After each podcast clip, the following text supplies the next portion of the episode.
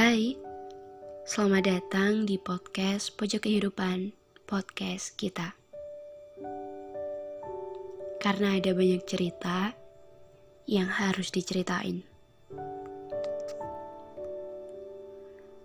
Kamu pernah gak sih ngerasa ya, hari ini mau ngelakuin apa lagi ya? Kayak bingung gitu, apa yang harus dikerjain. Pengen ngelakuin sesuatu yang bermanfaat, tapi ya nggak tahu harus ngelakuin apa. Tiap hari paling cuma buka TikTok, buka Instagram, cek WA, tapi ya gak ada apa-apanya. Paling-paling isinya cuma story temen yang lagi up kesibukan mereka. Biasanya kalau udah ngelihat yang kayak gitu, jadi pikir gini, kok aku gini-gini aja ya? Kok gak ada perubahan ya? Teman-teman aku udah sampai sana. Tapi kok aku masih di sini aja.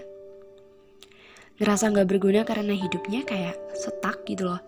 Gak ada hal yang istimewa, gak ada hal yang wow, gak produktif, dan selalu ngerasa capek padahal gak ngelakuin aktivitas apa-apa gak ngelakuin aktivitas yang berat gak ngelakuin aktivitas yang berat banget malahan. Mau bilang capek, tapi malu. Tapi ini emang bener-bener capek. Udah di umur segini tapi masih aja bingung kalau ditanya soal tujuan hidup. Mau lanjut ke mana? Kerja apa kuliah? Kalau jawab kerja, pasti bakalan muncul pertanyaan. Kerja di mana? Oh, di situ. Kenapa gak di sana aja? Di sana lebih bla bla bla bla bla. Kenapa ya orang-orang selalu menganggap apa yang mereka pikirkan itu harus sesuai sama kita gitu loh? Kenapa sih? Kayak kenapa kita harus mengikuti tuntutan mereka? Padahal apa yang mereka anggap terbaik untuk kita itu belum tentu terbaik buat kita gitu loh kayak mereka menganggap hal itu baik tapi apa yang mereka anggap baik itu belum tentu baik juga ke kita.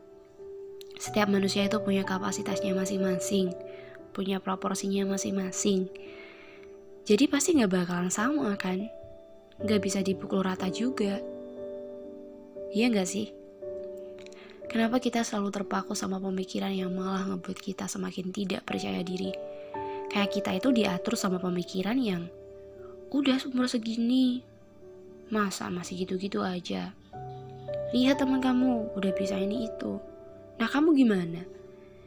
Kayaknya sering ya kita berantem sama pemikiran kita sendiri. Kadang-kadang pemikirannya menyesatkan gitu loh. Biasanya tuh pemikiran yang kayak gini datang dari apa yang kita lihat, kita baca, dan akhirnya masuk di otak kita dan jadi konsumsi otak kita gitu loh. Kadang secara nggak sadar pun kita jadi ngikutin mindset itu.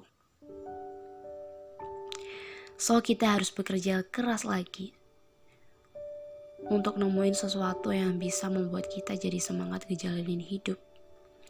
Jangan berpikiran udah umur segini masih gini-gini aja.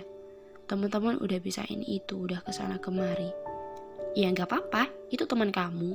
Kamu sama teman kamu itu punya alur cerita yang berbeda punya kehidupan masing-masing. Jadi stop jangan terus-terusan ngebandingin diri kamu sendiri sama teman kamu. Karena kita pasti punya suksesnya sendiri-sendiri